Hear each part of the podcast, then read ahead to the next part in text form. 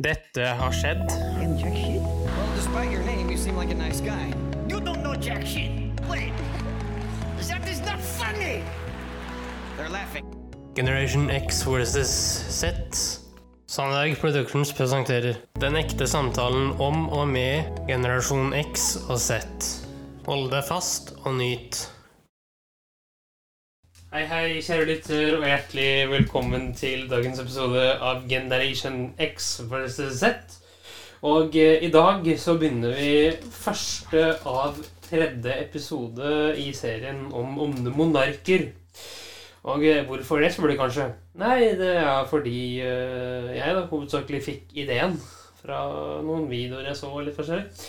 Har du noe du skulle sagt, eller? Kjell Med tanke på monarkier så tenker vi vel mer på hersker og keiser og konger og alt som er. Dronninger og grever og ja. Mm. Ja, Og det som er liksom litt eh, kjernen i kanskje de podene poddene som kommer nå tre uker på rad, det er følgende ja. Et menneske har all makt i et land eller landområde over lengre tid. Vi holder oss nå, den første uka i hvert fall, til eh, etter Kristus. Ja. Og så kommer vi litt eh, tilbake i tid neste uke, for i dag så skal vi ta for oss noen av de minst kjente Ja. eh, personene. Vi skal begynne i Belgia med kong Leopold den andre. Eh, Det er jo mye i Europa og litt i Asia og Afrika. Forholdsvis Kina, Mongolia og Egypt, for å nevne noen land. Men det kommer vi til eh, 8. mai. Gjør Eh, Men hvilken rett har egentlig ett menneske til å få Eller rett, rett og slett de fleste. De tar slik makt. Hva gjør enormt stor makt med et enkeltmenneske? Og hvilken mennesketype egner seg, eller ikke egner seg, for en slik makt og enormt ansvar? Skal vi bare si, Henrik, at eh, det vi tar opp i de tre poddene som kommer nå, det er rett og slett de negative eksemplene. Noen veldig dårlige eksempler på herskere som har eh, blitt maktsyke, fått lyst til å drepe, fått lyst til å se lik, eh, gosser seg over det, rett og slett. Ja. Mennesker også dreper sine nærmeste familie nettopp bare for å øke sin egen makt og sin egen egoistiske tankesett. Bare i Norge så kan vi bare nevne han Erik Blodøks Ja. på 900-tallet. ja. Det var jo veldig kjent og veldig kontroversielt. eh, Ja, han tok jo livet av flere av brødrene sine. ja. Og han derre svensken som eh, ble kalt da Erik den 14. Med på, nå er vi på 1500-tallet, altså. Ja. 1560, er det ikke det? Jo, noe rundt der. Og så på sin egen historie. Hvis man tar den, så handler den veldig også mye om familiefeider og makt. Ja. Som til slutt selv endte med at han ble drept av sin egen bror. Ja, eh, og vi skal høre nå eh, litt sånn om eh, hvor langt det går an å ta det for veldig lite. Ja, Det er noen forferdelige grusomheter Henrik. Hvis jeg sier kong Leopold nå, Ja. hva faller ned i hodet med deg? Nei, altså Leopold 2. For meg tenker jeg i Belgia sånn eh, 1800-tallsstil. Ja. Eh, Men jeg vet veldig lite om han. Vi skal til materielle behov, faktisk. Ok. eh, I mye av fortellingen her. Ja, ok. Eh, Og det han gjorde for å få tak i et materiale. Kjør på. Yes! King Leopold II of Belgium. He was sometimes called the Butcher of the Congo. Under King Leopold II's rule, it's thought millions of Congolese Africans died in the early 20th century. It's thought that during his bid to westernize Africa, something many Europeans would try to do, large scale massacres happened. He is also known for being exceptionally cruel to the Congolese if his rubber quotas weren't met. This sometimes meant viciously flogging people and often cutting off their genitals or their limbs. After one village protested the incredibly harsh working conditions, one Belgian wrote, The commanding officer ordered us to cut off the heads of the men and hang them on the village palisades, also their sexual members, and to hang the women and the children on the palisade in the form of a cross. This really was the heart of darkness. Ja. Ja, han gikk altså løs på oss i hele Kongo. ja. Men uh, det morsomme er at uh, kongoleserne ser jo på han som uh, en veldig splitta figur, da. Noen ser på han som et landshelt, andre ser på han som en jævel. Ja.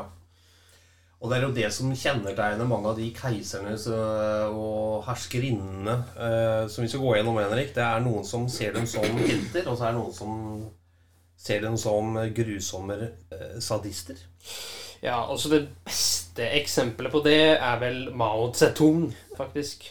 Ja, vi har eh, Stalin og Adolf Hitler bare ikke, så veldig langt tilbake i tid.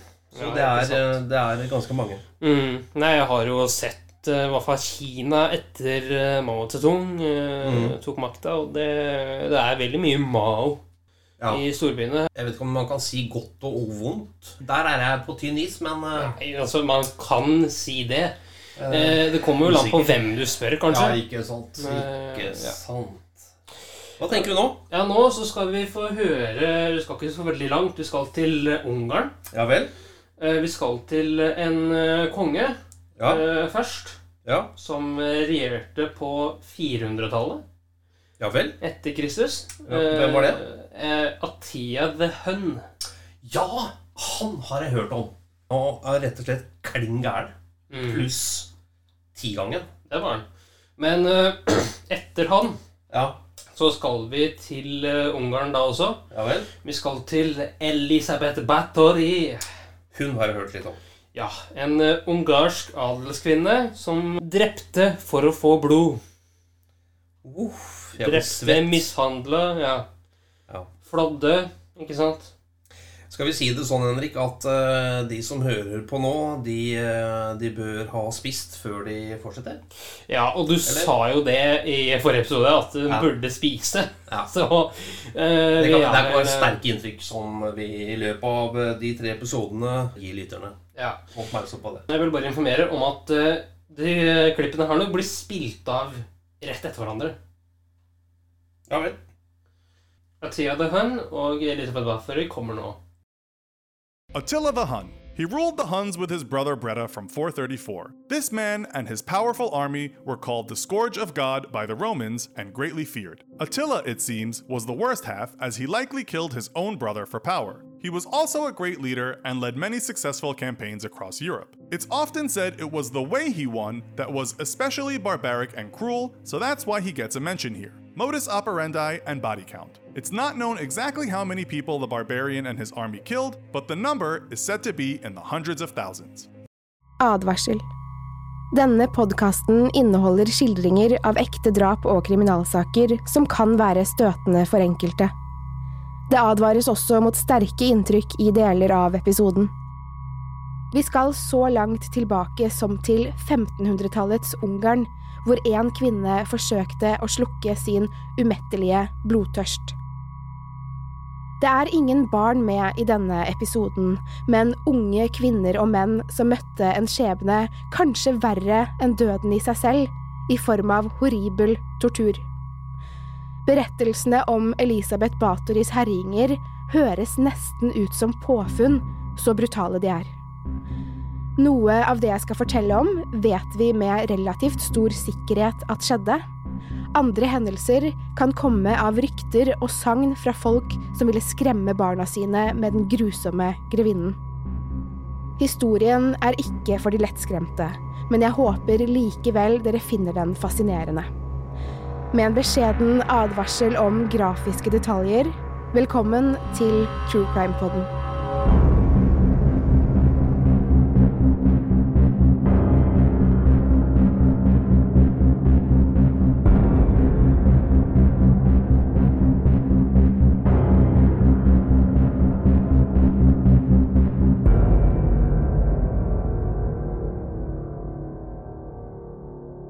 Den 7. august 1560 ble adelskvinnen Elisabeth Bathory født. Hun var datter av en fornem offiser og en grevinne, og tilhørte slekten Bathory, som styrte Transilvania, som ligger i dagens Romania. Elisabeth vokste opp sammen med sine søsken på et stort slott, hvor hun hadde tjenere, fine klær og så mye mat og leker hun kunne ønske seg. Elisabeth fikk gå på de beste skolene og snakket latin, tysk og gresk flytende i tillegg til ungarsk. Hun var niesen til kongen av Polen, storhertugen av Litauen og prinsen av Transilvania.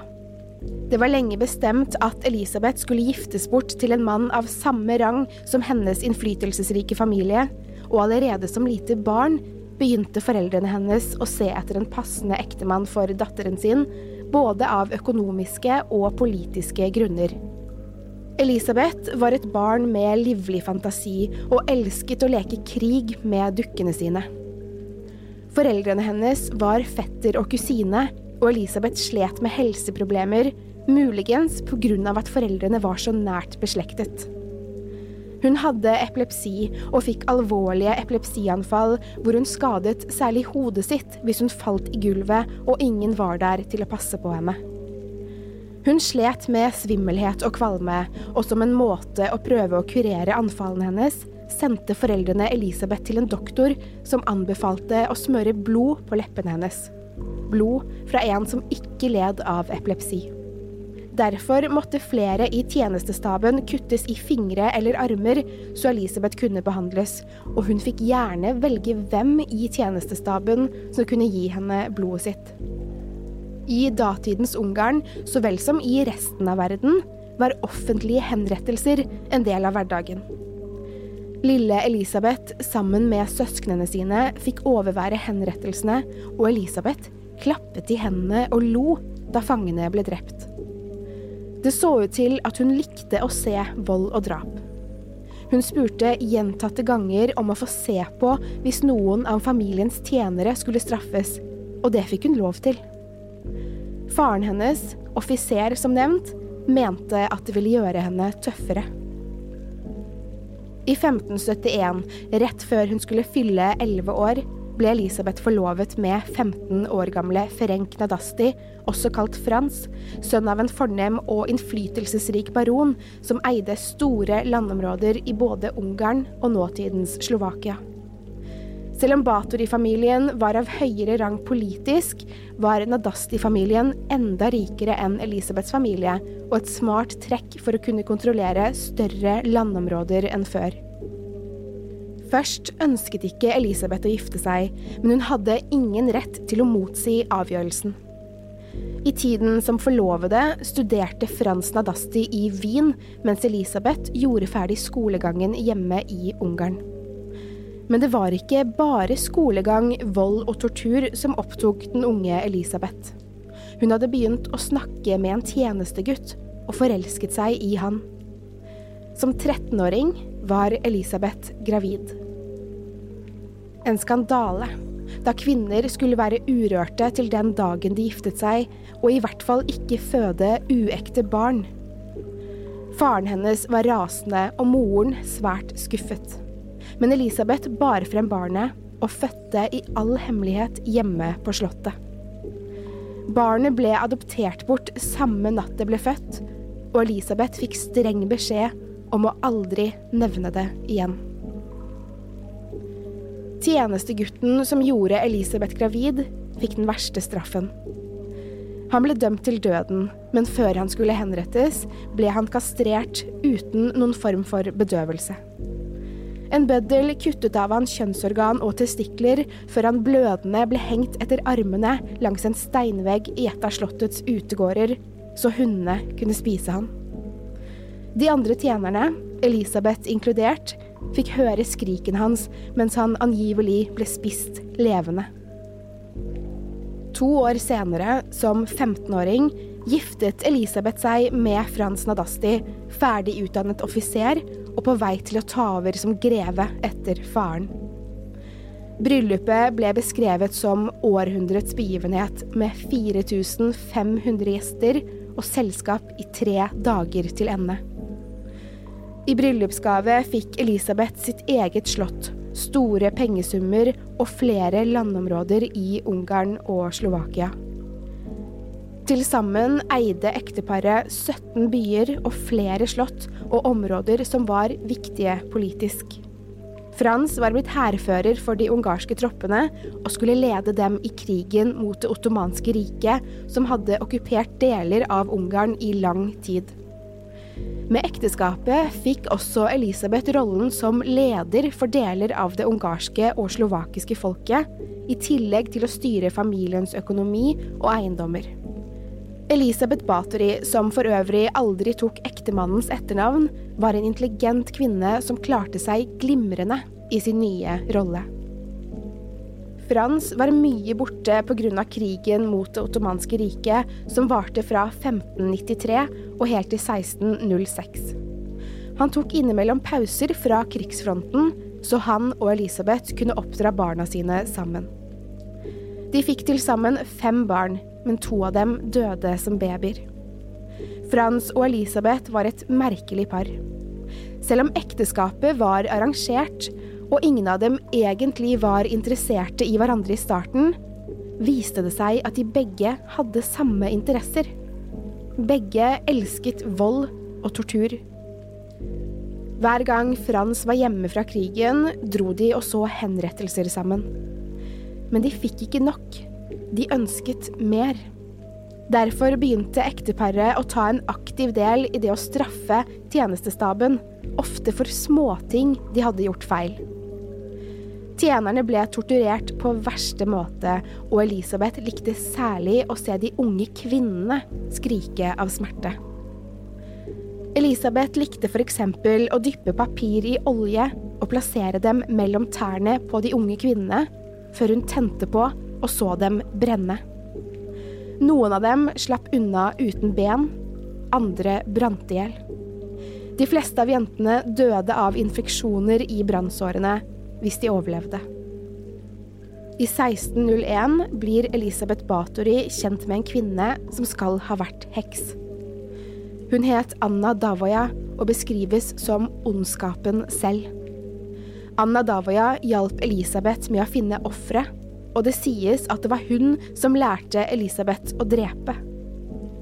Davoya fant ofrene for henne og lærte henne tortureringsmetoder og måter hun kunne ofre kvinnene på for å oppnå rikdom og ungdommelighet. Rett som det var, tilkalte Elisabeth prester til slottet sitt, slik at kvinnene skulle begraves etter at de hadde dødd. Prestene synes det var uvanlig mange som døde i Bathory-slottet, men Elisabeth skyldte på at de hadde dødd av kolera, selv om de unge kvinnene hadde grufulle skader over hele kroppen. Noen av dem manglet til og med flere kroppsdeler. En av prestene, etter å ha holdt begravelser for flere titalls unge kvinner, de fleste av dem svøpt i likkleder så han ikke skulle se hvor skadde de var, sa til Elisabeth. Deres høyhet, de bør ikke oppføre dem slik, det fornærmer Gud vår Herre. Vi prester vil straffes om vi ikke gjør noe for å stoppe dem, Deres høyhet. For å bekrefte at mine mistanker stemmer, må likene av disse kvinnene graves opp, slik at vi kan finne ut hvorfor de egentlig døde. Først da vet vi med sikkerhet hva de egentlig døde av.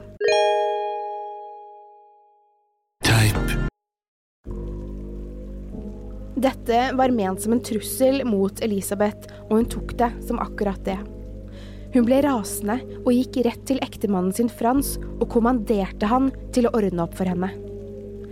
Frans snakket med presten, og ryktet sier at presten fikk mange penger for å ikke fortelle sine mistanker videre. Han lovet å ikke rapportere Elisabeth, men ga dem råd om å stoppe det de drev med. Under vinteren 1603 er Frans blitt veldig syk. Han hadde hatt skrantende helse lenge, men var etter hvert blitt så syk, uklart av hva, at han ikke lenger kunne gå. Frans slet med store smerter i bena og tilbrakte mest tid i sengen. Både han og Elisabeth visste at han snart ville dø, og Frans passet på at Elisabeth skulle arve alt han hadde, både titler, landområder og penger. Den 4. januar 1604 dør han hjemme på slottet, og Elisabeth er knust av sorg. Hun elsket virkelig mannen sin og kom inn i en dyp depresjon som til slutt gikk over i sinne. Det sies at hun ble virkelig ond etter å ha mistet Frans, enda mer sadistisk enn før. De hadde vært gift i 29 år, og Elisabeth var blitt enke i en alder av 44. Hun var sint på verden og torturerte flere tjenestepiker enn tidligere. Hun kunne straffe jentene, som oftest tenåringer, for den minste ting, f.eks. hvis noen av syerskene hadde sydd ett sting feil, var straffen for det å kles naken og gjennombores av lange vevenåler mens de skrek av smerte. Hun stakk synåler i fingrene deres og sa at hvis det gjorde så vondt, kunne de jo bare dra ut nålene. Hvis jentene dro ut nålene slik Elisabeth sa, fant hun frem kniven og skar av dem fingrene. Deretter ble de hengt opp etter armene langs en av slottets steinvegger og spist levende av hundene. Akkurat slik hennes elskere fra tenårene hadde måttet ende livet sitt. Noen av kvinnene ble tent på slik at de brant i hjel, og andre ble kastet til ulvene i skogen. Hver natt kunne det høres hjelpeløse skrik fra Bathory-slottet, og folk i byen begynte å lure på hva som foregikk der. Om natten og tidlig om morgenen kunne de se tjenere grave dype graver i bakken rundt og bak slottet, før de ble tettet igjen med jord. Det gikk rykter i byen om at grevinnens ofre ble begravet der. Til slutt hadde Elisabeth så få tjenere igjen at hun måtte sende flere av hjelperne sine ut til andre byer for å hente unge kvinner som skulle jobbe for henne. De tok som oftest med seg hjemløse kvinner, de mente at ingen ville savne dem. Noen ganger fikk Elisabeths hjelpere med seg kvinner fra fattige familier som ble lovet god betaling hvis de jobbet for grevinnen. Familiene kunne ikke annet enn å si ja, og de fleste av dem så aldri jentene sine igjen. Hvis de stilte spørsmål, fikk de vite at jentene hadde dødd av kolera eller rømt. Så hvem var disse hjelperne Elisabeth Bathory brukte? Anna Davoya, heksen, var den som hjalp til mest. I tillegg var ammen, som passet barna hennes, Ilona Joe, venninnen Dorka, vaskedamen Katalin og en ung tjenestegutt ved navn Fisko. De fant jenter Elisabeth kunne drepe, og hjalp flere ganger til med tortureringen. Jentene ble slått med slegger så bena deres brakk. De ble lagt i strekk så skuldre og hofteledd løsnet, de fikk huden fjernet, innvollet revet ut og ble til og med tvunget til å spise av seg selv og andre ofre. De ble hengt opp ned og tømt for alt blod. Legenden sier, selv om vi ikke vet det stemmer helt sikkert, at Elisabeth skal ha badet i blodet fra jomfruer for å få yngre og penere hud. De som jobbet på slottet, så vel som innbyggerne i byen, hørte skingrende skrik hver natt. Det var ofte flere jenter som skrek, og folk begynte å bli redde for grevinnen og vennene hennes. Hver morgen, etter å ha gravd ned likene av de mishandlede jentene, skylte de gulvet i torturkammeret som var dekket av blod. Blodet rant ut fra et hull i den ene veggen i rommet, slik at blodet størknet på utsiden av steinveggen. Mange i byen var sikre på at dette var blod og ikke maling, slik arbeiderne på slottet bortforklarte. Til slutt ville ingen familier sende jentene sine til arbeid hos grevinnen Bathory. Folk gjemte barna sine, så hjelperne hennes ikke skulle se at de hadde tenåringsdøtre. På 1600-tallet kunne ikke vanlige folk anmelde adelige eller kongelige, så selv om de visste hva Elisabeth holdt på med, kunne hun ikke straffeforfølges eller rapporteres av folkene i byen. Men grevinnen trengte flere ofre. Hun klarte ikke stoppe å drepe. Elisabeth kom derfor på ideen om å starte en skole for unge adelskvinner, hvor hun selv skulle undervise dem i økonomi, politikk og strategi, slik at de skulle bli klare for å gifte seg med viktige og innflytelsesrike menn. Adelsfamiliene, som vel å merke ikke hadde fått med seg ryktene om hva grevinnen drev med, sendte gladelig døtrene sine til Bathory-skolen. Ikke lenge etter at undervisningen skulle starte, begynte jentene å forsvinne. Igjen hørtes skrik om natten, og torturkammeret var atter en gang i bruk. Blodet fløt, og fra hullet i veggen på torturkammeret rant det igjen blod og vann. Foreldrene til jentene på adelsskolen begynte å stille spørsmål. Hvor var jentene deres? Elisabeth og assistentene hennes svarte at en av elevene hadde drept flere jenter i klassen, og deretter tatt sitt eget liv. Selvfølgelig trodde ingen på bortforklaringen, og familiene til de døde jentene rapporterte til slutt Elisabeth til selveste kongen. Jentene som til da hadde overlevd grevinnens blodtørst, ble tatt ut av skolen og sendt hjem igjen. Ingen var trygge i Bathory-slottet. Kongen fikk vite om anklagene, men trodde først ikke det han hørte. Han likte Elisabeth og hadde vært nær venn av Frans, den avdøde ektemannen hennes. Etter hvert som flere og flere krevde etterforskning, på randen av opptøyer, besluttet kongen at Elisabeth Bathory skulle etterforskes likevel. Han kunne ikke lukke øynene for det som skjedde lenger. Jobben gikk til Georgi Turso, også en nær venn av avdøde Frans. Georgi trodde heller ikke på anklagene først, men gjorde som kongen befalte, og satte seg ned og hørte på historiene fra adelsfamiliene som hadde mistet døtrene sine. Jentene som hadde overlevd, forklarte at de ble slått, sultet og truet med å bli drept om de avslørte hva som skjedde på skolen. Hver natt hadde Fisko, tjenestegutten, og Dorka, venninnen til Elisabeth, kommet inn i sovesalen og hentet tre-fire jenter. Jentene som ble hentet, så de aldri igjen, men elevene hørte skrikene deres, så høye at de ikke kunne sove. Jentene hadde fryktet for livet sitt hver eneste dag. Georgi forsto at dette var alvorlig. Han hadde også hørt ryktene om jentene i byen som hadde forsvunnet, og snakket med vitner der også. Han hørte om massegravene i slottsgården og inviterte seg selv på middag til Elisabeth for å undersøke nærmere. Da han så det som kunne være tegn til massegravene, visste han at han måtte gjøre noe. Før han avla rapporten til kongen, reiste han til Elisabeth Batoris egen familie og fortalte hva han hadde hørt. Familien hennes, særlig broren, forsto alvoret med en eneste gang. Han forhandlet frem en avtale med Georgi hvor Elisabeth skulle arresteres og dømmes til fengsel uten å måtte gjennomgå en skamfull rettssak som kunne ødelegge ryktet til Bathory-slekten. Det interessante var at ingen i Elisabeths familie engang prøvde å si at hun var uskyldig. De visste nok innerst inne at anklagene kunne være sanne. Imens etterforskningen pågår uten at Elisabeth vet noe, dør hennes nærmeste venn og medhjelper, heksen Anna Davoya, kvinnen som lærte Elisabeth å drepe. Grevinnen går igjen inn i en dyp depresjon, også denne gangen utvikler den seg til et voldsomt sinne og sadisme. Hun blir kjent med en ny heks, Ersi Majerova, og sammen med assistentene sine dreper de nesten alle gjenlevende i tjenerstaben, menn så vel som kvinner.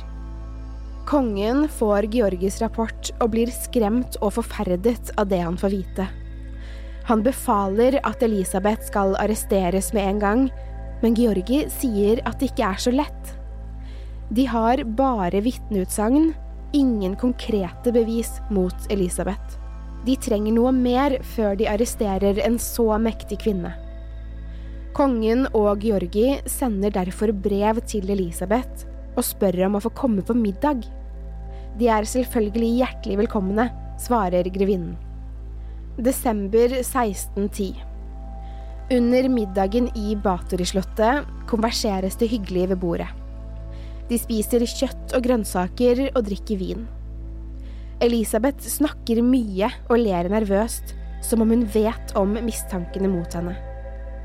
Kongen og Georgi legger merke til grevinnens nervøsitet, men sier ingenting. De vil vente til etter maten med spørsmålene. Desserten bæres inn i spisesalen, en nybakt kake med frukt til. Både kongen og Georgi forsyner seg med kaken og spiser med god appetitt. Grevinnen takker nei, hun er forsynt. Med ett kjenner begge seg rare. Rommet snurrer, de begynner å kaldsvette. Kongen hoster, og Georgi kjenner han må kaste opp. De forstår at de er blitt forgiftet. Elisabeth prøver å rydde dem av veien, hun vet grunnen til besøket. Raskt reiser de seg fra bordet og går mot døren. De vil ikke være i Batori-slottet lenger. Georgi og kongen blir veldig syke, men begge klarer seg. De spiste bare et par biter før de kjente seg dårlige, og tør ikke tenke på hva som kunne ha skjedd om de hadde spist mer av den. Kongen er rasende. Han beordrer Elisabeth Bathory arrestert med en eneste gang. Han sender en tropp med soldater til å hente henne for avhør. På nyttårsaften 1610 skal det skje. Det kan virke som Elisabeth visste hva som skulle hende. Hun kler seg i sine fineste klær og ser horden med soldater komme mot slottet sitt. Før de kommer helt til døren, ber hun heksen Ersi Majorova kaste trolldom over dem, så de ikke skal kunne arrestere henne. Trolldommen virker selvfølgelig ikke, og soldatene slår inn den tunge tredøren i slottsgården. Ved siden av døren, langs den ene veggen, ligger en død kvinne. Hun mangler armer og et ben. Lenger inn ligger ytterligere to døde kvinner, helt hvite i huden, tappet for blod. Soldatene hører høye skrik fra et rom innerst i gangen. Torturkammeret. De åpner døren og brekker seg av stanken der inne.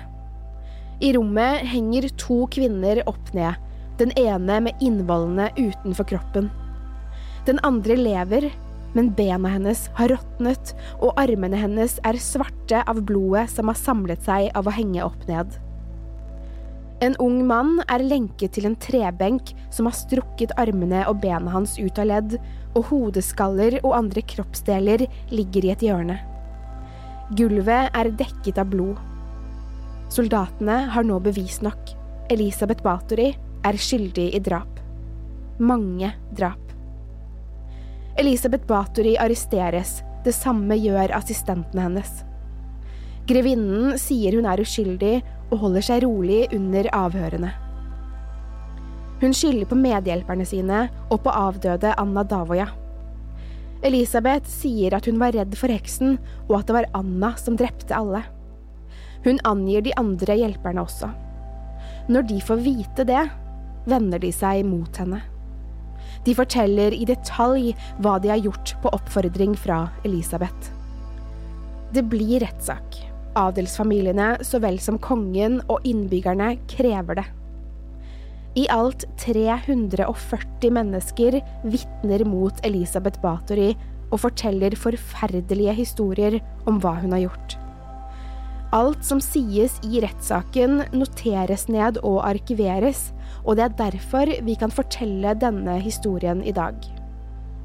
Om alt er sant, vites ikke, for det går rykter om at flere av vitnene ble tvunget til å fortelle om hendelser som aldri skjedde, og å overdrive drapene.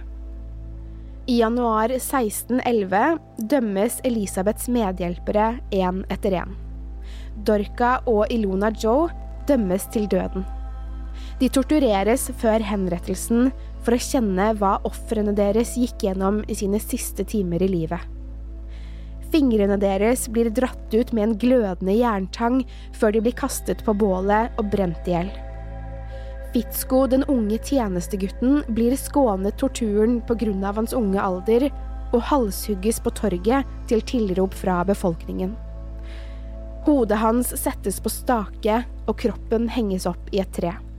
Katalin, den snilleste av dem, som noen ganger skal ha matet fangene, blir skånet dødsdommen og dømmes til livstid i fengsel.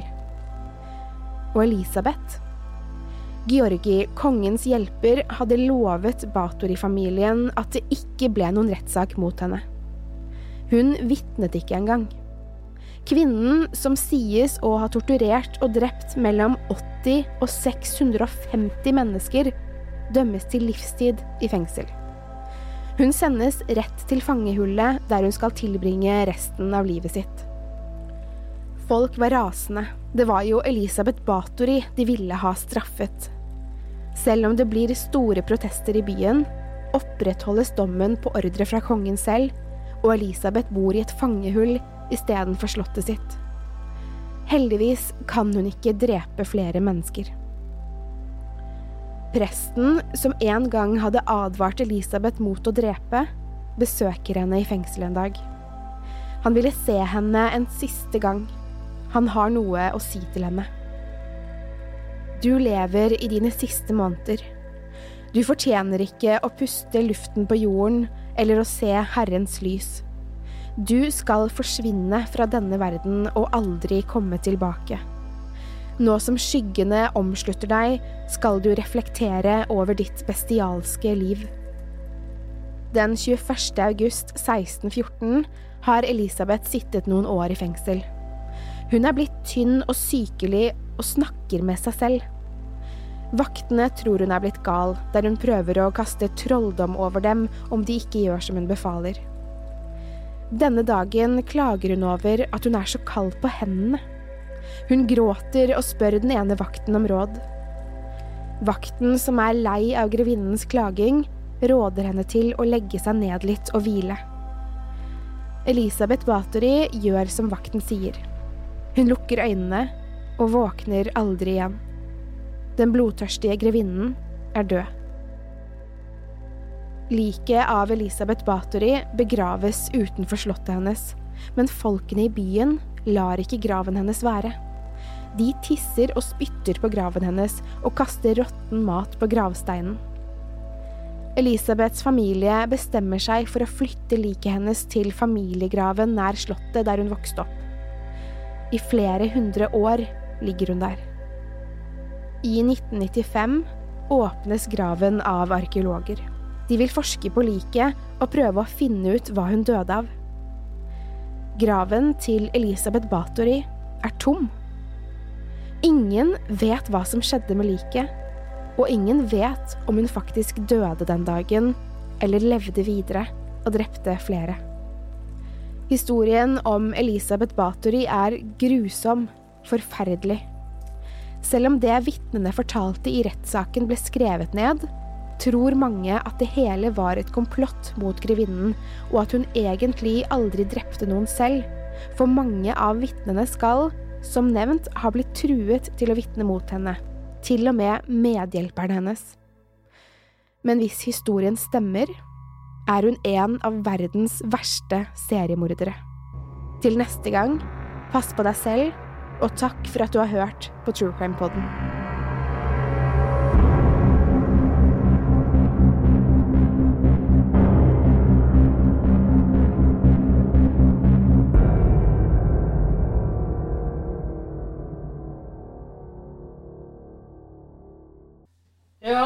Er det mulig? ja jeg ehm, tenkte litt det sjøl, at eh, hvor langt eh, går det an å ta det? Eh, Ja, det var ekstremt, må jeg si. Det var Ja. helt ekstremt. Ja, altså det å drepe unge kvinner for blodet og huden og alt det ja. Ja. Ikke bare unge kvinner, men også menn. Der. Ja, ja. Nei, dette her var uh, forferdelig. Mhm. Skal vi si at det er en del av menneskeheten, det også? Ja, det er en del av menneskeheten. Det er en del av historien, ikke minst. da. Ja. Og det er den vi håper å kunne gi litt gjenlyd i i disse tider. Ja, De sier jo det at de seirende skriver historien.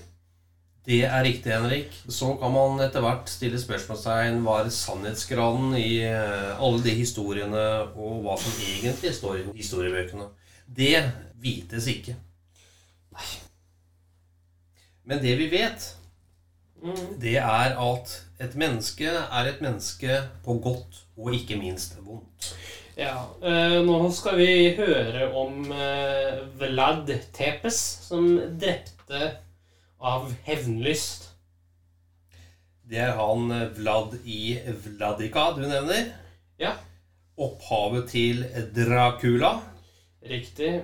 Det er det de tror, i hvert fall. Ja. Og vi snakker 1400-tallet. Ja. Det som er rart med han Vlad, da Ja. Det er noen som gir han heltestatus Ja. fordi i hans eh, periode som hersker Mm. så var det lite kriminalitet i området rundt. Mens for andre så var han en morder, han var en sadist, han var en folkemorder, men også en politisk taktiker. Jeg skal fortelle en annen ting, Henrik. Mm. Jeg har vært på det slottet der han uh, reelt bodde.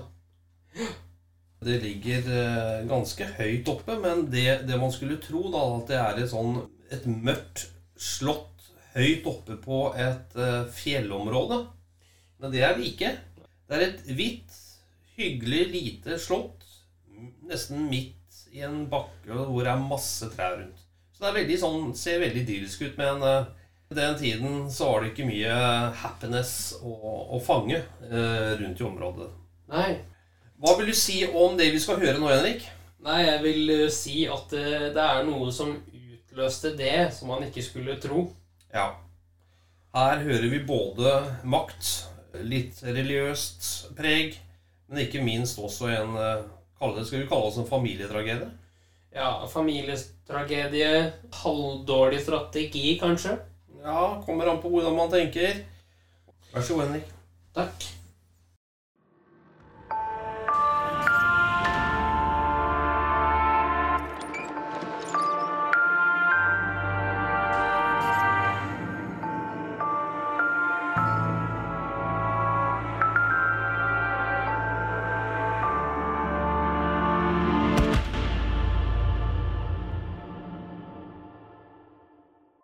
Dagens fortelling tar oss tilbake til første halvdel av 1400-tallet.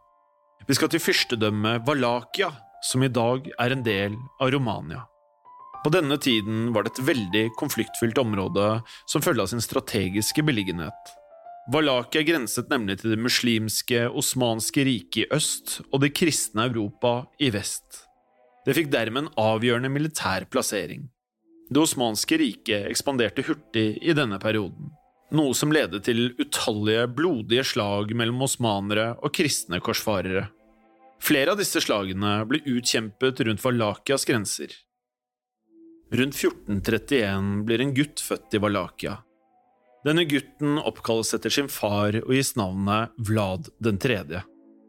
Faren til Vlad var korsfarer og ridder av drageordenen. Han hadde av den grunn fått kallenavnet Vlad Dracul. Ordet Dracul lar seg oversette til drage eller djevel, og Vlad ville arve dette tilnavnet fra faren. Vlad ville bli kjent som Vlad Dracula, som betyr dragen eller djevelens sønn. I senere tid har Vlad riktignok blitt vel så kjent for et annet fryktinngytende kallenavn. Vlads far hadde nylig kommet til makten i fyrstedømmet, noe som ville vise seg å bli utslagsgivende for sønnens skjebne. Da Vlad var elleve år, ble han og broren hans med faren på et diplomatisk besøk i det osmanske riket. Dette viste seg å være en nøye planlagt felle, og de tre ble snart tatt til fange. Vlads far ble sluppet fri, med en advarsel om at Valakia ikke skulle involvere seg i fremtidige konflikter mellom osmanerne og Ungarn. Vlad og hans bror ble beholdt som gisler for å forsikre at faren hans ikke skulle ombestemme seg.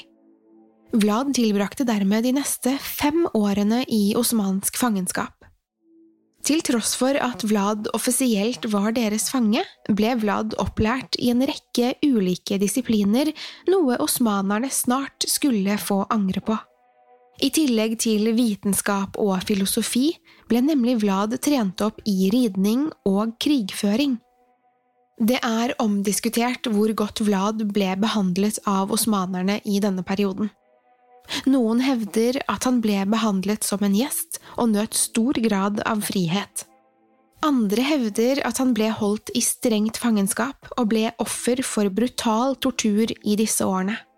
Det er i hvert fall rimelig å anta at Vlad ble vitne til en rekke torturformer i denne perioden, blant annet den som ville gi ham hans ikoniske navn Vlad the Impaler. Samtidig i Valakia ble faren til Vlad utsatt for et statskupp. Vlad 2. ble forrådt av sine bojarer, en gruppe adelsmenn av høy status. Han drives dermed vekk fra makten og blir drept i et av de påfølgende slagene. Hans førstefødte sønn Mircha blir også tatt til fange. Mircha blir torturert og får øynene stukket ut før han begraves levende. Vlad er på dette tidspunktet fremdeles i fangenskap, men han sverger hevn over mennene som forrådte faren og broren. Med hjelp fra ungarske styrker er det Vlads fetter som nå overtar keisertronen. Med osmansk hjelp stjeler Vlad raskt tilbake tronen. Vlad er på dette tidspunktet fremdeles kun en tenåring, men etter en vellykket invasjon inntar han rollen som hersker i Valakia. Vlad blir snart revet vekk fra makten igjen, men han er nå besatt av å gjenerobre tronen. Over de neste årene allierer Vlad seg med ungarerne og kutter sine tidligere bånd til det osmanske riket. Dette leder til at Vlad kan invadere Valakia med store militære styrker i ryggen. Under denne beleiringen utfordrer Vlad sin egen fetter til en duell. Med hvert sitt sverd går de til angrep på hverandre, men Vlad Dracula er en overlegen kriger. Han overmanner enkelt fetteren sin og står klar til å sette inn dødsstøtet. Vlad viser ingen nåde og avslutter tvekampen med å hugge hodet av fetteren sin. Med dette har Vlad nok en gang gjenerobret sin fars trone. Vlad har nå gjennomført første del av vendettaen sin mot mennene som forrådte faren hans. Det var fremdeles turbulente tider i Valakia, som var preget av flere år med krig og konflikt. Mange var heller ikke tilfreds med å tjene under Vlad Dracula og så på hans avdøde fetter som en mer egnet leder. Vlad var for mange i Valakia en fremmed. Flere av innbyggerne var tvilsomme til hans lojalitet etter å ha tilbrakt store deler av livet i osmansk fangenskap. Vlad var på sin side drevet av en blodtørstig hevnlyst. Vlad hadde gjenvunnet makten i Valakia, men han drømte fremdeles om å fullbyrde sin hevn. Han stolte ikke på noen av sine bojarer. Flere av dem hadde vært involvert i drapene på faren og broren, og han fryktet at de ville forsøke å gjøre det samme mot ham. Det har også vært mye stridigheter mellom bojarene, og Vlad så det som gunstig for Valakias fremtid å stanse de evige konfliktene mellom de rike adelsmennene. Vlad la derfor en plan. Først måtte han samle alle bojarene på ett sted, og Vlad inviterte derfor samtlige bojarer til en bankett i slottet sitt. Da han endelig fikk sin hevn, viser Vlad brutaliteten som bor i ham. Ikke alle disse bojarene hadde deltatt i kuppet mot faren hans, men Vlad Dracula visste at mange av dem måtte ha vært direkte involvert. Enda flere av bojarene hadde visst om kuppet uten å komme til Vlad den andres unnsetning. For å forsikre seg om at alle de skyldige fikk sin straff, så han seg mer enn villig til å ofre noen uskyldige. Vlad bestemte seg derfor for å drepe samtlige av bojarene, på et vis som snart ville bli hans foretrukne form for tortur og sakte henrettelse.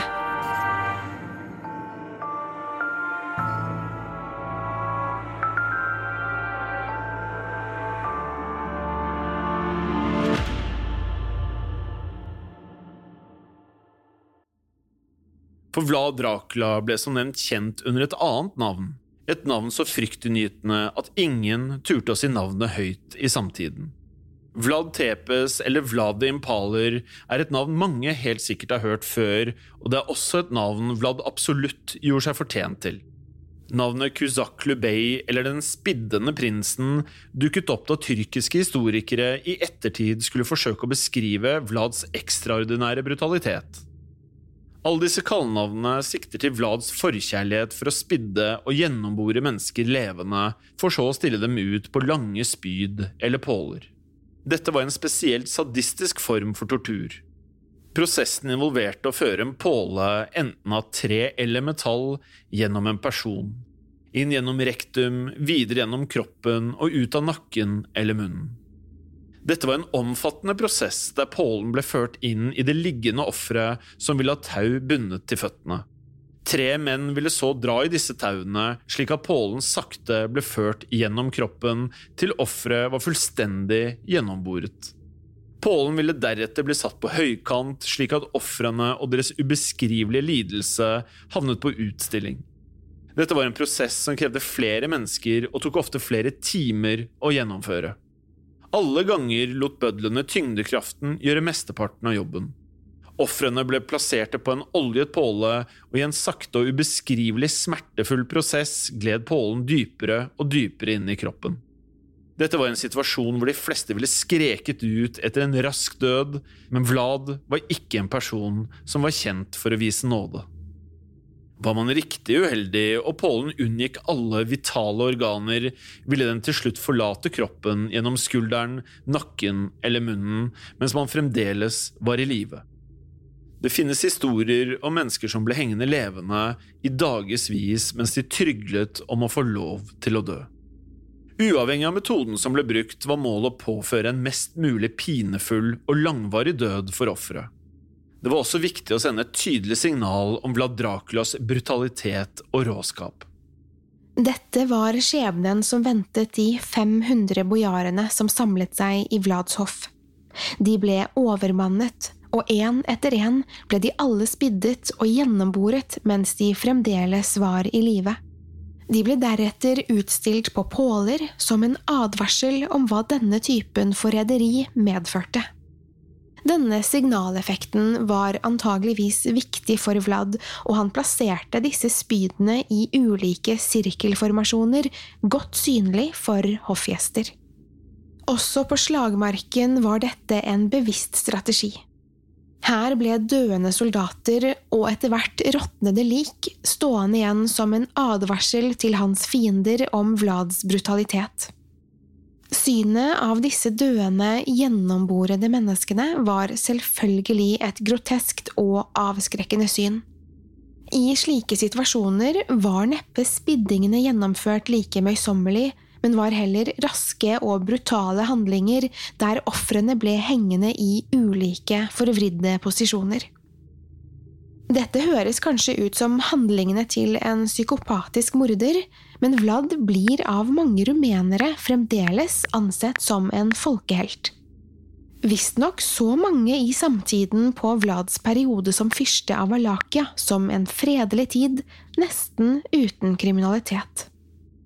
Kanskje var dette et resultat av hans ekstremt strenge straffer for selv den minste kriminelle gjerning.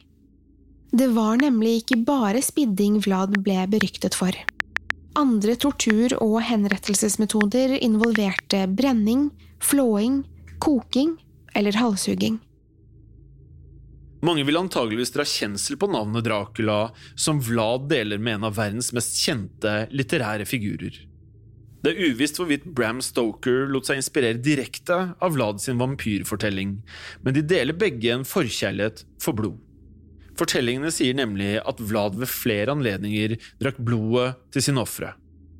Ideen om at Vlad drakk blodet til sine fiender, kan opprinnelig ha oppstått i et dikt fra 1400-tallet. Her fortelles det bl.a.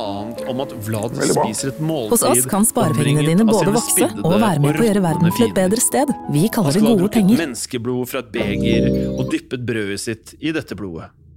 Her er det riktignok noe uenighet om tolkning, da noen mener at Vlad bare vasket hendene sine i blodet deres før han spiste. Fortellingene stopper ikke der. Vlad skal ikke bare ha likt å torturere sine fiender, ofte vil også deres familier bli offer for hans forskrudde sinn. Han skal jevnlig ha tvunget disse familiene til å være vitne til både tortur og henrettelser. En fortelling illustrerer Vlads ekstreme straffer for kriminelle handlinger. Da en mann ble anholdt for tyveri i Valakia, så Vlad det nødvendig å gjøre et eksempel ut av mannen. Tyven ble strippet naken og kastet i en stor gryte med kokende vann.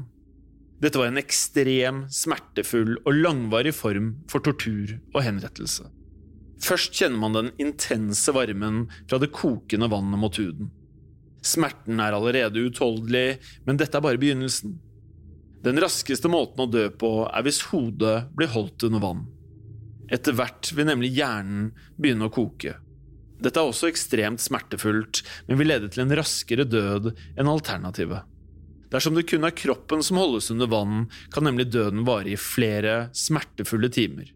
Etter hvert blir huden rød og dekket av blemmer, og kroppen begynner å sakte bryte ned. Du mister synet, organene svikter, og til slutt blir det for mye å takle for kroppen. Som om det ikke vil være forferdelig nok å være vitne til denne henrettelsen, skal Vlad ha gått enda lenger.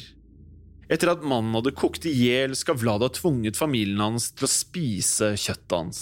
Hvis familien virkelig var så sultne at han var nødt til å stjele for dem, kunne de like godt spise hverandre, mente Vlad. Det var kanskje ikke så rart at ingen turte å bryte loven i Valakia. Vlad Dracula var åpenbart en sadist av verste sort. Andre historier beskrev hvordan han plasserte mennesker i gryter med et hull til hodet i lokket.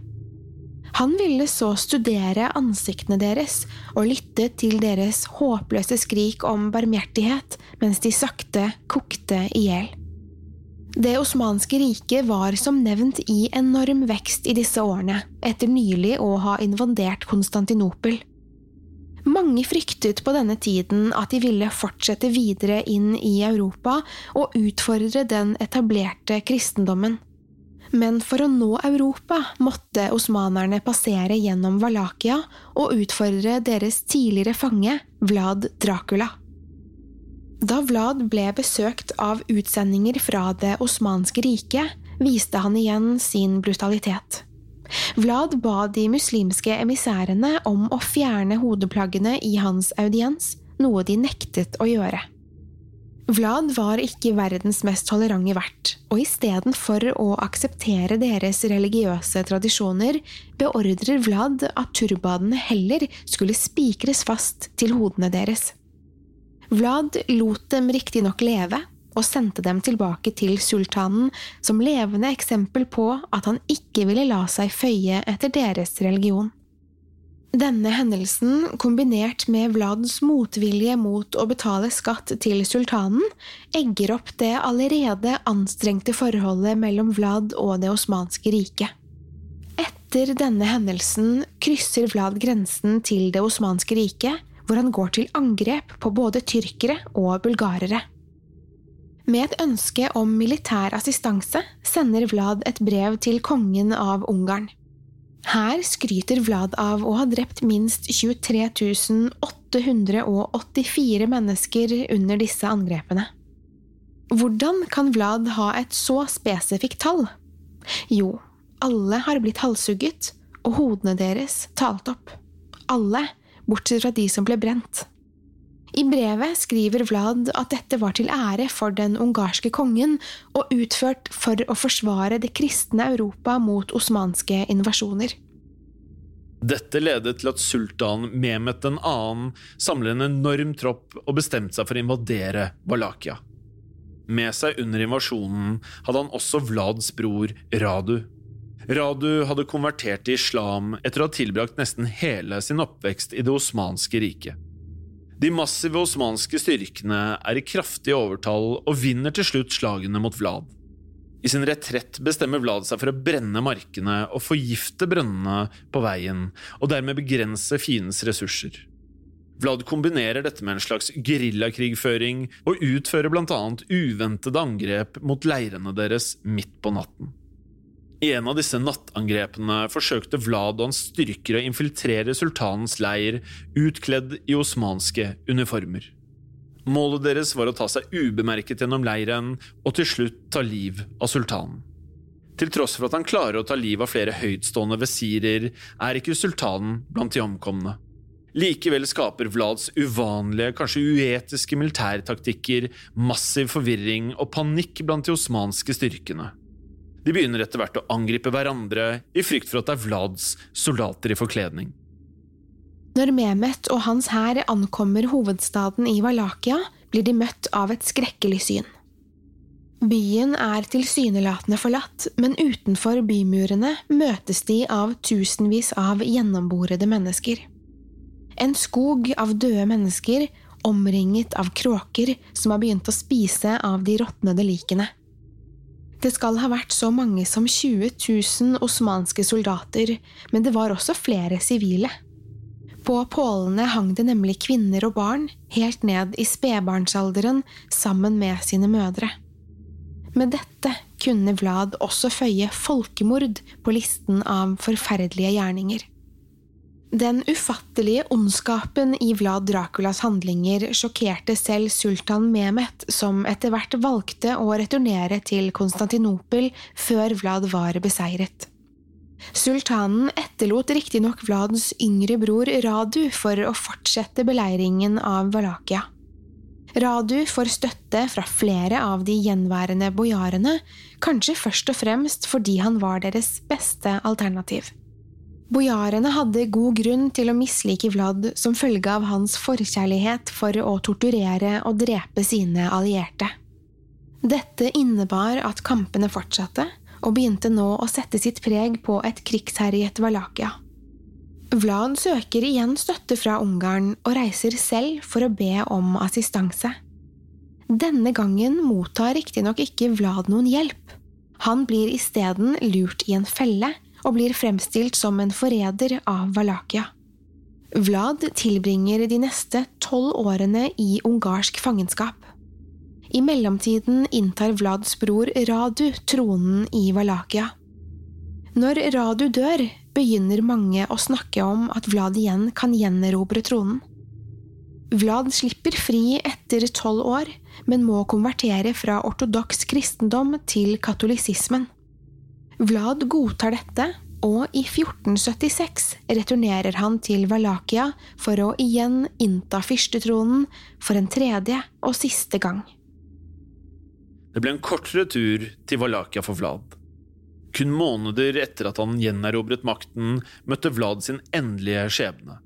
På vei til et slag ble Vlad overrasket av en liten styrke med osmanske soldater og drept i den påfølgende kampen. Som en passende slutt på Vlads historie ble kroppen hans partert og hodet hans sendt som en gave til sultan Mehmet 2. i Konstantinopel. Her ble Vlads avskårne hode angivelig dyppet i honning og utstilt på en påle. Historien om Vlad Dracula varierer naturlig nok fra hvem som forteller dem. I Romania er Vlad Dracula en folkehelt, mens Vlad Tepes eller Kuzaklu Bey er en fryktinngytende skrekkskikkelse i tyrkiske historiebøker.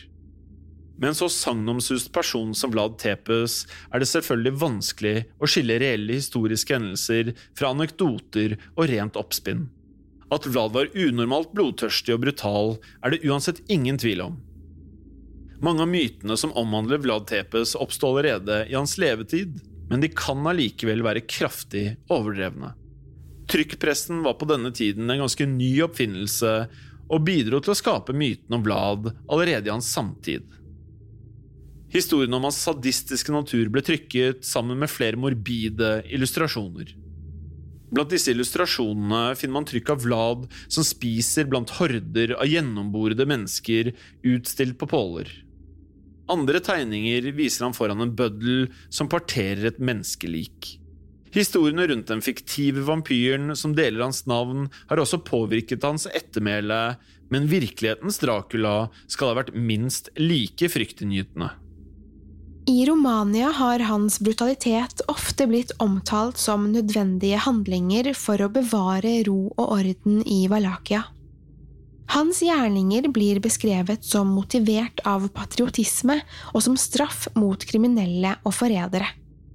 Han hylles for sitt opprør mot bojarenes despoti, som ble sett på som destruktivt for Valakia. Noen rumenske historikere har riktignok tatt et oppgjør med denne heltedyrkelsen av Vlad Dracula, men disse har foreløpig vært i mindretall. I nyere tid har Vlads handlinger også blitt beskrevet som taktiske grep, særlig konfliktene med de tallmessig overlegne osmanske styrkene.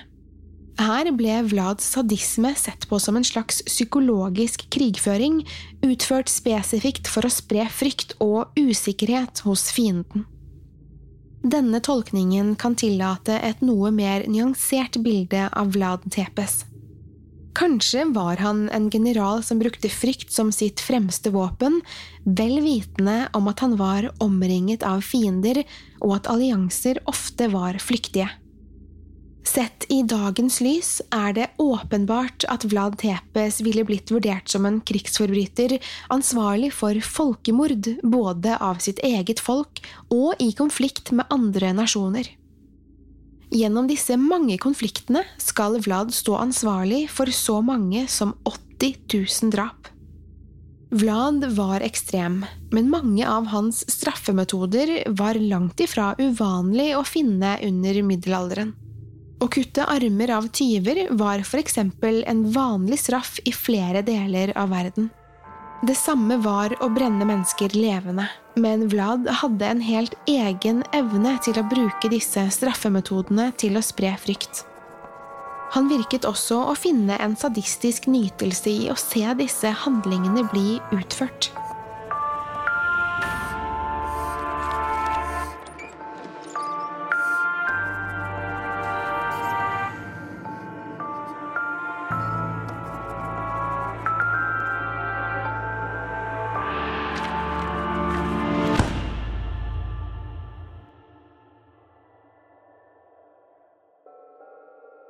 Vlad Tepes, du er en torturist, en morder og trolig en ekstrem sadist.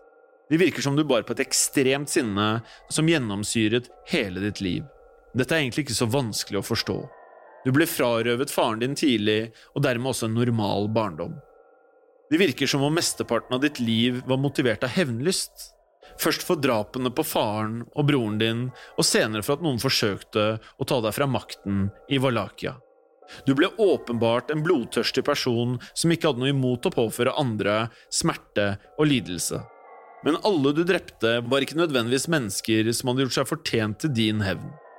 Kvinner og barn ble hengt opp ved siden av soldater. For deg var det fullstendig likegyldig om disse menneskene var dine fiender. Det er vanskelig å forestille seg at du drepte og torturerte disse menneskene i sinne eller i vrede. Det må ha vært noe annet, noe mørkere, som fikk deg til å gjennomføre disse sadistiske handlingene. Det ble i hvert fall åpenbart at du ikke hadde respekt for menneskeliv. Kanskje hang dette sammen med ditt eget selvbilde? Hvordan du hevdet deg over andre mennesker? Ditt hovmod gjorde at du ikke lenger sidestilte deg selv med dine fiender, selv ikke med dine medsammensvorne. Dine ofre var som dine leketøy, og du sto klar til å behandle dem akkurat så brutalt som du selv ville. Til slutt begynte du kanskje å se på deg selv som en slags gud. Du så deg selv som urørlig, som om du var utvalgt til en høyere skjebne. Du var dommer og bøddel og følte at du hadde rett til å straffe mennesker etter dine egne syke idealer. Det er vel dette som også drev deg til å føle at du var den rettmessige lederen av Valakia, til tross for at din far selv hadde kjempet seg til makten. Tørsten etter makt var antageligvis knyttet til både stolthet og hovmod. Samtidig er det kanskje litt for enkelt å legge dette til grunn for dine handlinger. Kanskje var du i stor grad også drevet av begjær. Fant du kanskje en syk glede i å torturere dine fiender for din egen fornøyelse?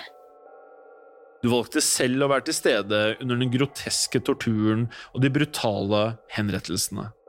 Du kunne fint lykkes i å spre frykt uten selv å være vitne til disse handlingene. Å spise middag midt i en likskog mens du dyppet brødet ditt i menneskeblod, vitner om at du var fullstendig immun mot disse forferdelighetene.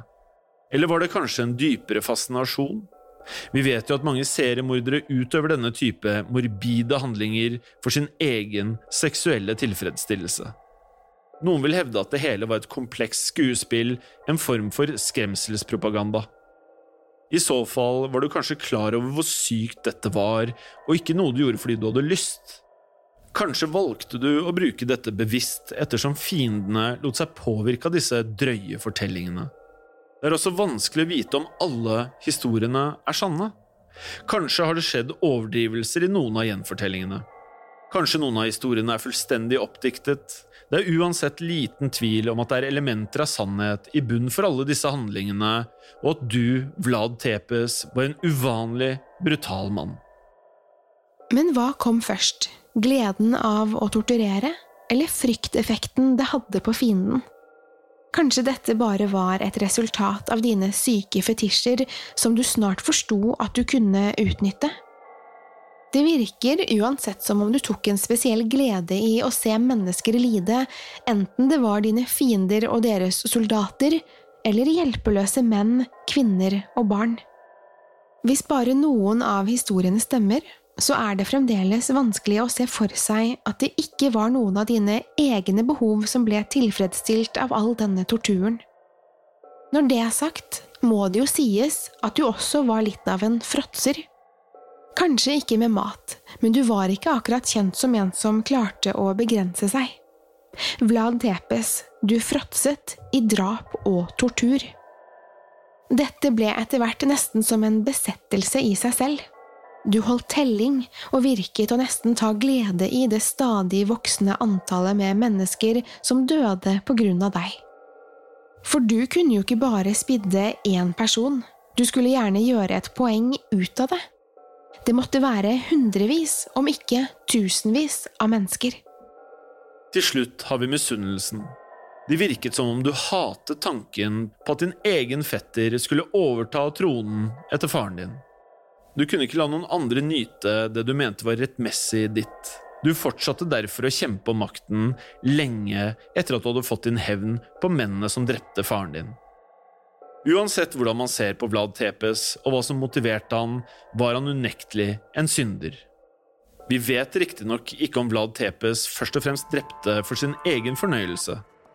Det er uansett nok ondskap og sadisme å spore i fortellingene til å fastslå at Vlad Tepes var et forferdelig menneske. Kanskje var han en av de største sadistene som noensinne har levd. Hvis ikke kommer vi til å fortsette å lete etter noen som er verre. Her i Synderne vil vi ikke gi oss før boka vår er fylt opp av de mest selvsentrerte, avskyelige og fryktinngytende menneskene som noensinne har levd. Og Vlad Tepes, du er utvilsomt en av disse.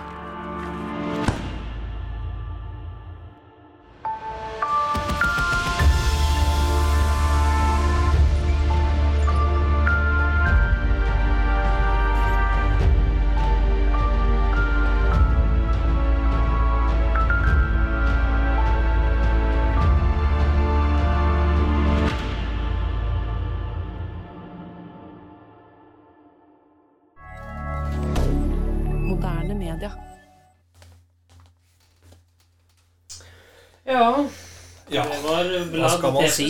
Ja, hva skal man si, Henrik? Nei, han var jo eh, Altså, man kan jo si at det, det å drepe og se blod Ja. eh, Det var vel nærmest å omtale som en eh, fetisj. Ja, det kan virke sånn. Ja. eh, Nå så tenkte jeg vi skulle til Tyrkia Ja. og det osmanske riket. Til Ibrahim Ibrahim Bengale. Ja. Mm. Ibrahim of the Ottoman Empire. Ibrahim initially lived a life of captivity. This Tsar united Muscovite Russia, ruthlessly expanded Russia east to turn it into an empire, and is considered the father of modern Russia. This is a, an, an evil man indulging his, uh, his, his sadistic tendencies. This aside, Ivan was terribly paranoid. He famously established the secret police known as the Oprichnik, which antagonized and mass executed political dissidents. They were like devils. They killed and they raped and they plundered everything. He caused his daughter in law Yelena to miscarry and killed his son Ivan Ivanovich, who was coming to his wife's defense, by smacking his head with a scepter, thereby losing his only sound heir. Ibrahim initially lived a life of captivity and barely avoided execution by his ruling brother Murad IV, who killed their four other brothers. Once Murad died, Ibrahim succeeded him and quickly became known for his physical and mental breakdowns, posthumously earning him the nickname Ibrahim the Mad. Ibrahim obsessed over his harem, often influenced by concubines, and gave them excessive gifts like a palace.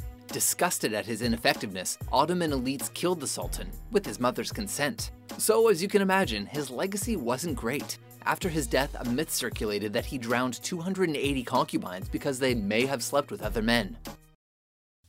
Ja Det er eh, Du skulle nesten tro at det, for, altså, verden var full av bare gærninger. Ene med det andre. Mhm. Men nå er det, tar vi en liten pause. Men du har NRK-hjørnet, gutten min. Det har jeg, og det kommer nå. Yes!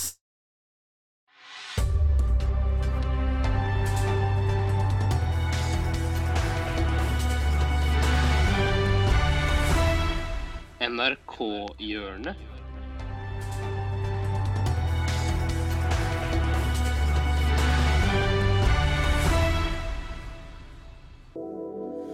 Ja, i NRK-hjørnet i dag så er det duket for NRK Best Off. Og hva kommer nå? Nå kommer humorquiz. Ok. Ja. Så kjør på.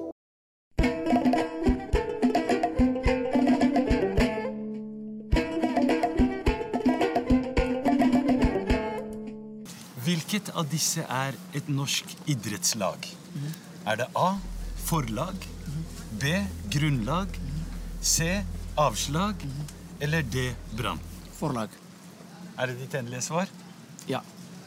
Fullfør dette norske uttrykket. Borte bra, men hjemme best.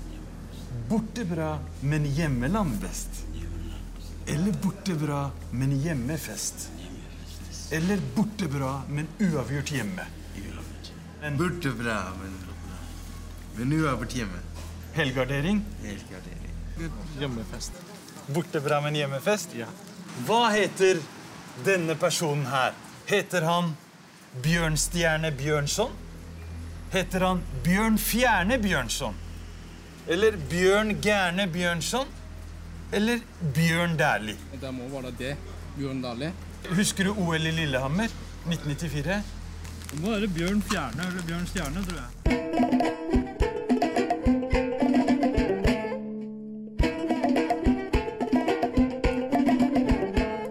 Hvem samlet Norge til ett rike? Er det A. Harald din hårfarge? Er det Harald min hårfarge? Er det Harald den hårfagre? Eller er det Thomas og Harald? Jeg tror det er Thomas Harald. Du tror det er Thomas Harald? Det er jeg ikke sikker på. Vi kan bruke et hjelpemiddel hvis vi vil. Ja. Vi ringer en bror. Hallo, Karol. Vi spiller Vil du bli tusjonær? Vil du hjelpe en bror? Ja, hva skjer? Hva skjer? Altså den hårfarge eller Thomas og Harald? A. Ja, det var A. Takk skal du ha, bror. Hva heter Norges største fjell? Heter det A. Jonas fjell? B. Galdhøpiggen?